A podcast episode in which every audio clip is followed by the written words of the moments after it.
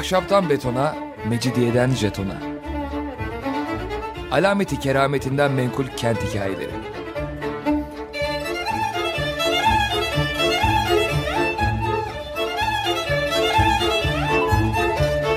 Hazırlayan ve sunan Pınar Erkan.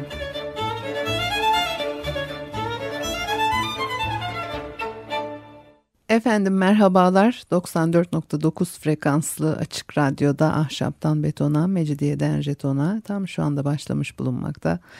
Anlatıcınız ben Pınar Erkan. Elektronik posta adresim pinarerkan.yahoo.co.uk Bakalım bugün programımızda ne var? Kadıköy'de e, altı yol kavşağını bilmeyen yoktur e, Anadolu yakasında. Burası merkezi bir nokta. Dolayısıyla da e, bir buluşma yeri. Antik çağlarda da Kadıköy'deki yerleşim yerinin giriş kapısının buradan olduğu tahmin ediliyor.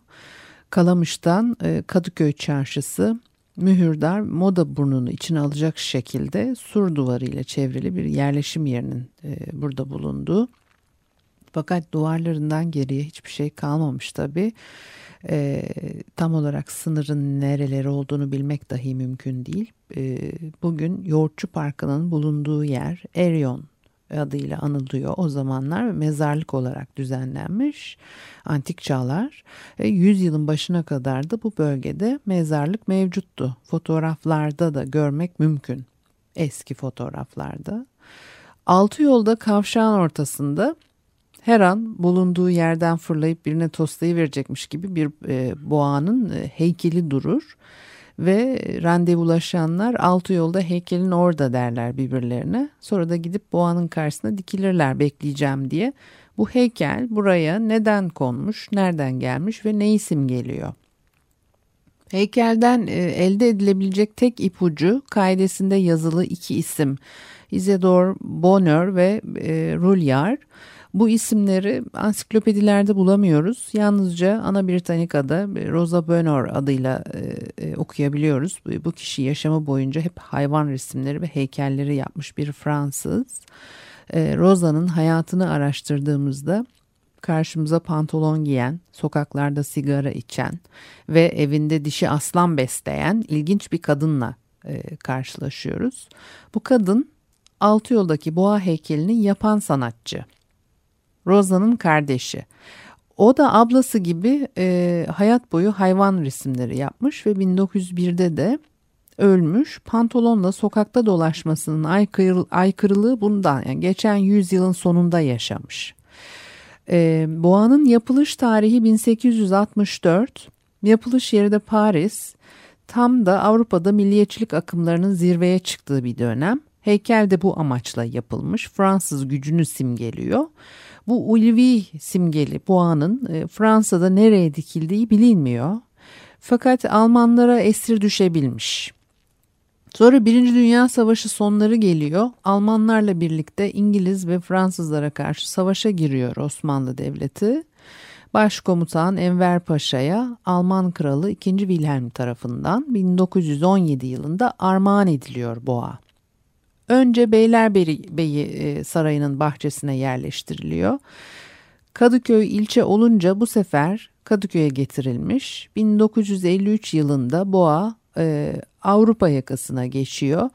O dönemler pek övünülen Hilton'un bahçesine dikilmiş. 1969'da tekrar Asya e, yakasına dönüyor ve Kadıköy'ün simgesidir deyip getirip kaymakamlığın bahçesine konulmuş. Kaymakamlık binası restore edilirken boğa zarar görmesin diye e, depoya kaldırıyorlar ve orada unutuyorlar. E, bir ara Lütfi Kırdar sergi salonu ve iskele meydanını da beklemiş bu boğa. Yıllardır altı yolda. Zaman zaman e, çeşitli sebeplerle onu oradan kaldırmakta istediler ama e, hala duruyor. E, Şimdi modadaki bir köşkten söz etmek istiyorum size ee, ama bu boğayla da ilgili bu hikayeyi de biraz daha aktarmak istedim. Ee, o köşkten söz etmek e, istememin nedeni de işte artık yani geriye hiçbir şey kalmıyor. Bu köşkler konaklar teker teker yıkılıyor ve artık gençler e, bu yapı e, tiplerinden e, habersiz Ee, her zaman derslerde de çocuklara söylediğim şeyler cumba nedir onu bilmiyor çocuklar. Çünkü yani yok e, hayatın içinde değil artık e, bu yapı tipleri ve e, önünden öyle yürüyüp geçtiğimiz binaların da çok fazla farkına varmıyoruz. Eğer e, hayatımızı etkileyen bir, bir, e, bir durum yoksa bir yerden e, bize dokunmuyorsa o köşkler e, dolayısıyla e, ve tabii e, kitap da okunmuyor. Dolayısıyla hani o, o Türk romanlarında geçen tahtasekiler, e, işte cumbalar e, e, bunlar kitapta okumayınca öğrenilmiyor. Hayatın iyice dışında kalan ve gelecek nesillere aktarılamayan bilgiler bunlar. Geçmişte insanlar ecdadımız nasıl evlerde yaşamış, nasıl bir çevrede yaşamış son yıllarda da özellikle o kadar hızlı değişen bir e, yapılandırılmış çevreyle karşı karşıyayız ki yani bambaşka bir dünyaya evriliyor bu şehirlerde. Şimdi Mahmut Muhtar Paşa Köşkü anlatmak istediğim köşk Moda Caddesi ile Mühürdar Denizi arasında 16 dönümlük bir arazinin üstüne kurulmuş bu güzel köşk. Ee, Mahmut Muhtar Paşa'nın eşi Nimetullah Hanım'a aitmiş. E, tabii buraları şimdi hep apartman yani böyle 16 dönüm falan böyle bir şey yok. E, Nimetullah Hanım Mısır Hıdivi İsmail Paşa'nın kızı. Hıdivi İsmail Paşa önemli bir e, kişilikti. Nimetullah Hanım'la yine e, Gazi Ahmet Muhtar Paşa'nın oğlu Mahmut Muhtar Paşa 1897'de evleniyorlar Emirgan yalısında. Mahmut Muhtar Paşa e, köşkü e, namı diğer Mermer Köşk 1897 yılında Rum asılı Dimitri Vladimi'den e, satın alınmış. Köşkün yapılış tarihi 1860 ile 1870 yılları arasında bir yerde. E, Prenses Nimetullah konağın ardından etrafındaki bazı dükkan ve evleri de alarak modada oldukça değerli bir e, gayrimenkule e, sahip olmuş. Her tarafı beyaz mermerle kaplı olduğu için binaya mermer konak deniyor. Görkemli bir yapı, mermer basamak ve korkuluklu, meşe parkeli desenli, yüksek tavanları, porselen bronz kapı tokmaklarıyla e, iç yerden de dışarıdan da e, göz alıcı bir konak. O yıllarda İstanbul'da elektrik olmadığı için selamlığın arka tarafına jeneratör konmuş. Buradan köşke elektrik sağlanıyor. Bahçeden Moda Caddesi'ne 3 kapı açılır. E, ortadaki çift kanatlı kapı büyük. Bu büyük kapının iki yanında küçük demir motifli kapılar vardır. E, ortalarında e, M nokta M harfleri görülür. E, bahçede kapının sağında büyük bir sera bulunmaktaydı. Ayrıca ahırlar, arabalıklar ve eşya koymak için de e, bir depo deniz tarafında bir küçük iskelesi e, varmış vakti zamanında. Paşa buradan Muş ile karşıya geçe, geçermiş. E, Serasker binasına yani bugün İstanbul Üniversitesi olarak kullanılan Beyazıt'taki binaya gidermiş. Konağın kalabalık bir e, personel kadrosu var o yıllarda. İçeride eski kalfalar, e, harem ağası, beşir ağa, dışarıda bahçede işçiler, seyis, şoför, e, bekçi, kapıcı, bahçıvanlar çalışırmış. Selamlıktaki iki odada konağın hesaplarını tutan vekil harç ve yardımcısı. Bu insanlar işte paşa ve e, prensesliğe yakışır biçimde gayet eğitimli ve görgülüymişler. Mahmut Muhtar Paşa çok yakışıklı fakat biraz asabiymiş. E, Nimetullah Hanımsa biraz otoriter ve köşkün çalışanlarına da bir parça katı davranırmış taviz vermez tutumu yüzünden e, konakta bir facia yaşandığı aktarılıyor kaynaklarda. E, yani bu bilgileri aldığım kaynakta durum bu sözcüklerle niteleniyor ancak hikayenin tamamı bittiğinde durumun taviz vermezlik olarak tanımlanmasının oldukça diplomatik bir ifade ediş biçimi olduğunu e, göreceksiniz. Ee, bir ara verelim ondan sonra bir hikayeyi bölmeyeyim başlayayım bitireyim bir aradan sonra.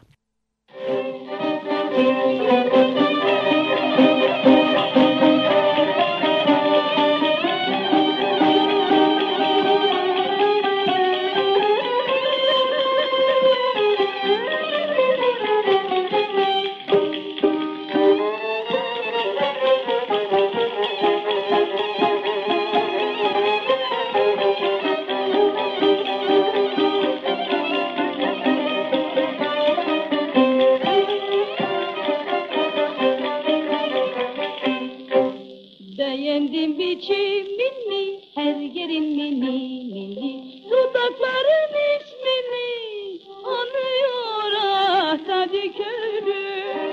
Beğendim biçimini, her yerin mini mini. Dudakların ismini anıyor ah tabi körüm. Ah, bir de seyrek, kendin güzel bir bebek.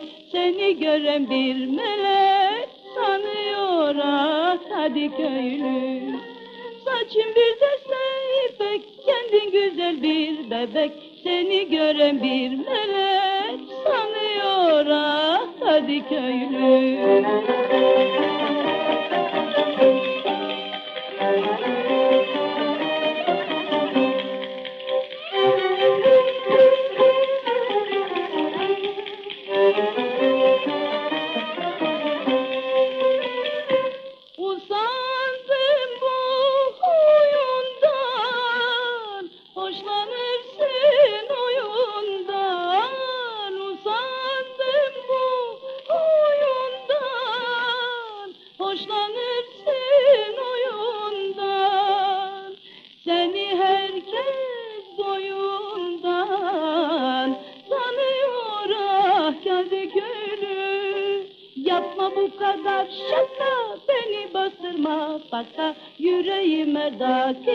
dakika yanıyor ah hadi köylü. Ah saçın bir de seybek kendin güzel bir bebek.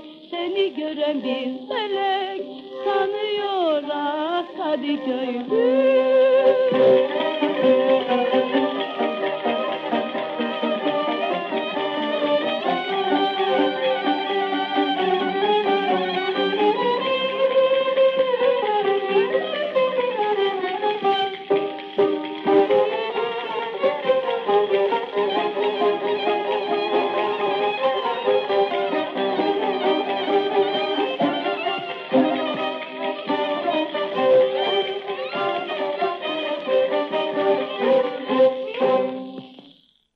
Efendim Açık Radyo'da Ahşaptan Betona, Mecidiyeden Jeton'a devam ediyor. Pınar Erkan'ı dinlemektesiniz. E, modadaki Mahmut Muhtar Paşa'nın e, ve Prenses Nimetullah'ın e, meşhur konağını e, anlatıyordum size ve bu konakta e, yaşanmış bir acı hikaye. 1911 yılında bir bayram sabahı Mahmut Paşa selamlık kısmında erkek misafirlerle bayramlaşırken eşi Prenses Nimetullah da konağın alt katında kendi misafirlerini e, kabul ediyor. Prensesin Selma ve Yegane isimli iki yardımcısı var. Selma ince zayıf bir kız, Yega, Yegane ise esmer ve ufak tefek. Bu iki cici kız daima prensesin yanında duruyorlar. 1909 yılında 31 Mart olayı patlak verdiğinde örneğin köşk e, isyancı askerlerle sarılmış. Tüm çalışanlar can derdiyle bir tarafa saklanmış ama bu iki kız hanımlarının yanından ayrılmamışlar. Böyle de sadıklar hanımlarına. Nimetullah Hanım neşe içinde misafirlerini ağırlarken orta kata çıkan mermer merdivenin alt basamaklarında 2-3 emektar kalfa asık suratlarıyla bir şeyler fısıldaşıyorlar. Bu iyiye işaret değil. Biraz sonra ne olduğu anlaşılıyor. Selma ile Yegane süblime içerek intihar etmeye kalkışmışlar. Koma halde yatmaktalar. Prenses e, kıymetli takılarını ufak bir çekmecede karyolasının altında saklarmış. Anahtarını da ince bir zincirle boynuna asarmış. Efendim Selma yeganeyi ayartmış bir anahtar uydurup kutuyu açmışlar. Mücevherleri çalmışlar. Durum ortaya çıkınca da utançlarından intihar etmeye kalkışmışlar. Çağrılan doktor ne kadar uğraşmışsa da kurtaramamış kızları. Sabaha karşı e, ruhlarını teslim ediyorlar. Kızların bu hazin ölümü konaktakileri çok etkiliyor. İkisi de hayat dolu, çok terbiyeli çocuklarmış. Fakat Mahmut Muhtar Paşa'nın e, babası Gazi Ahmet Muhtar Paşa'nın Fener yolunda konağına gelen haberler başka türlü. Baba Fener yolunda oğul Moda'da yaşıyor ama köşk personeli gidip geliyor. Haber ulaşınca e, Fener'deki e, Fener yolundaki konakta farklı e, yorumlanmış. Şimdi prensesin mücevherlerindeki eksiklik saptanınca kızlardan şüphe edilmiş hemen doğal olarak. Neden doğal olarak onu biz bilmeyiz. Konuşturmak için çok ağır işkenceye tabi tutulmuşlar. İşkenceye dayanamadıkları için ellerine geçen süblimeyi içip kurtulmuş zavallılar. Şimdi tabii tuhaf yani işkence hangi aralık nereden süblime e, buluyorlar falan. Bu e, köşkün içerisinde ne olup ne bittiği çok net bir şekilde bilinemiyor işkence yapıldığı anlaşılmasın diye hastaneye kaldırılmamışlar. Polise de haber verilmemiş. Mücevherlerin nerede olduğu da bilinmiyormuş. Gerçek tam ortaya çıkmadan olay kapatılmış. Yani o dönemlerde büyük konaklarda neler olup bittiğini kim bilebilir? Zaten bu tür ölümler ve e, pek de aydınlık sayılmayacak olaylar yaşanması az rastlanır bir durum değil. Ancak bahçe duvarlarını aşıp etrafa yayılması ender bir şey. Köşk bahçelerini saran duvarlar içerisiyle dışarısının ilişkisini gayet net biçimde sınırlıyor. E, ne köşkün efendisi ne de çalışanı dışarı açılmaktan hoşlanmaz. Açılan da köşkte barınamazmış zaten. E, kurallar kesin. Selma ile Yegane'nin sonları da böylece resmi makamlara ulaşamadan olay kapanmış. Mermer Konağın yaşantısı o dönemdeki standardın çok üstünde. Hem çok varlıklılar hem çok kültürlü ve görgülüler. Kızlara da herhalde çok görgülü ve sanatkarca işkence yapmış olmalılar. Gel gelelim Cumhuriyet'in ilanından birkaç yıl sonra e, konak ağır bir darbe e, alıyor. Darbe de darbe. Yani bakınız şimdi baba Muhtar Paşa 1912'de sadrazam olarak kabineyi kuruyor. Oğlunu da Bahriye Nazırı yapıyor. Bu dönemde İngiltere'nin Times Iron Works fabrikasında Sultan Osman ve Reşadiye adında savaş e, gemileri yapılıyor bunları e, ısmarlamışlar. Bedel olarak da 20 bin İngiliz lirası ödeniyor. Fakat Osmanlı hükümetinin Almanya ile olan ittifakından huylanan İngilizler gemileri vermiyorlar. Ee, Osmanlı'ya bize karşı kullanacak diye. Bu çok meşhur bir hikayedir bu. Ee, zaman zaman da bir takım diplomatik sorunlara da e, sebebiyet vermiştir. E, Evet, Cumhuriyet döneminde Mahmut Muhtar Paşa e, bu işin sorumlusu olarak gösterilip Divan Aliye e, veriliyor ve 3 Kasım 1929 tarihli kararla 22.411 altın lira ödemeye mahkum ediliyor. Servetine el konuyor. E, tarafsız hukukçular tazminat hükmünün altın olarak tahsilinin e, Lozan'da kabul edilen benzeri kararlara aykırı olduğu e, kanaatinde. Yine de hüküm uygulanmış. Paşa bu kararı çok üzülmüş. Çok üzülmüş. Adalet olmayan yerde yaşanmaz diyerek belirlenen bedelinin tamamını hem ödemiş hem de Mısır'a gitmiş. E, Nimetullah Hanım'ın e, Mısır'da büyük bir, bir serveti var. Bir de adam odaya dönmemiş. E, bakıcıları e, azaltılmış olmasına karşın e, mermer konak kendisi vefat edene dek e, bakımlı tutulmuş paşanın çocuklarından sadece ikisi hayatta kalmış. Onlar da anlaşamıyorlar. Sonunda büyük bir açık arttırmayla paha biçilmez eşyalar satılmış. Köşkün kendisi de Milliyetin Bakanlığı'na devredilmiş. Burası bir okul. E, konağın mühürdar tarafındaki kapısıyla köşk arasında muhteşem bir at heykeli e, bulunurmuş. Nimetullah Hanım Abraham Paşa'nın boğazın iki yanındaki çiftliklerini satın almış. At heykeli bu çiftliklerin Anadolu yakasındaki tarafından getirilip Tahir Ekdal sokağındaki 7 numaralı kibar apartmanının yerine konmuş. O vakitler bu arazi çam, çitlenbik ve kestane ağaçlarıyla kaplı Heykeli e, bu ağaçların arasına yerleştirmişler. Mermer bir e, kaide üstünde şaha kalkmış bir at. E, bu heykel 1864 yılında heykeltıraş Louis Dumas tarafından Turunç'tan dökülüyor. E, ne turuncu? Tunç'tan dökülüyor. E, Mahmut Muhtar Paşa sonra heykelin e, modadaki konağa taşınmasını istiyor. Yollarda dikkat çekmemesi için hasıra sarılmasını ve çok erken saatlerde yola çıkılmasını söylüyor. Bu şekilde daha önce çiçeklerle bezenmiş göbeğin ortasına yerleştiriyorlar. Herkes kapının önünden geçerken heykeli seyredermiş. Sonra ailede ölümler artıyor, zaman değişiyor, her şey değişiyor ve Hacı Sabancı atı, atı satın alıyor Emirgan'daki köşke götürüyor. Konak e, 1956'da e, bir buçuk milyon liraya kamulaştırılıyor.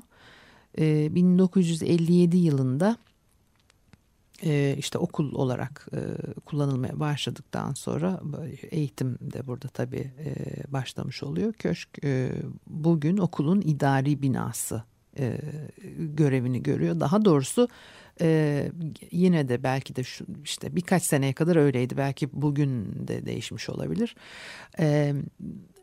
Kullanılan kapısı selamlık e, girişi E, iki kapısı var. Biri işte yukarıda moda tarafında öbürü mühürdar tarafında. Masif ahşap iki kapı kanadı açılır ve geniş bir e, hole varırsınız. Son yıllarda burasının hali işte nicedir tam bilemiyorum. Okulda okudum bir süre ben. Ne yazık ki e, çok fazla güzel anım yok. Şimdi e, bir günden bir güne de kimse e, okul okulda okurken bize çıkıp çocuklar bakın böyle de tarihi bir yerde okuyorsunuz demedi. Merak ederdik. Meraksız olduğumuzu söyleyemeyiz. Ama okulda her şey yasak olduğundan merakımızı tatmin edemezdik. Kitaplarda selamlık kapısından girince soldaki odanın paşanın çalışma odası olduğu e, belirtiliyor. İtalyan mermeri, nefis bir şömine ve üzerinde altın varak kaplı kristal aynası dikkat çekiyor. Üst kattaki odalar şahane. Ee, biz bunları görmedik, gördük diyemeyiz. Fakat bizden önceki yıllarda yatakhane olarak bu katların kullanıldığını biliyoruz. Ee, köşkün önünde bir e, bina vardır denize bakan. Bir de modaya doğru yalıların e, e, e, modaya doğru yatılıların e, kaldığı ve yine dersliklerin olduğu büyük e, çirkin bir bina. Yani e, e, bu binalar yapıldıktan sonra köşkteki yatılı bölümü oraya taşınıyor. Yatılı bir kız vardı Rizeli. Bir gün bir baktım sıranın altından çıkarıp çıkarıp bir şeylere burnunu sürüyor. Ders arasında yanına gidip ne yaptığını sordum. Gazete kağıdından bir külah gösterdi bana. İçi toprak dolu. Rize'nin toprağını getirmiş yanında. Memleketini özlüyormuş çok. Kokladıkça özlem gideriyormuş. Çok etkilenmiştim bu hikayeden. Çok küçüktüm ben de o zaman. İlk başlarda köşk odaları e, derslik olarak kullanılmış. Sonra bu sözüm ona modern binalar inşa edilince köşk tamamen idareye ayrılıyor. Mantıklı bir uygulama elbette. Keşke çocuklara ara ara bu binayı gezdirselerdi. Bodrum katında derslikler vardı ama çok karanlık, sıkış tıkış, izbe yerler olarak e, kalmış aklımda. Yukarıya merdivenler dolanırdı. Biz gizlice çıkmak isterdik. Hep birileri ispiyonlardı bizi. Mecburen gerisin geri dönerdik. Çok merak ederdim yukarıda ne olduğunu. Moda Caddesi'ne açılan kapının yanındaki sera e, kalıntıları ta o zamandan hüzün verirdi bana.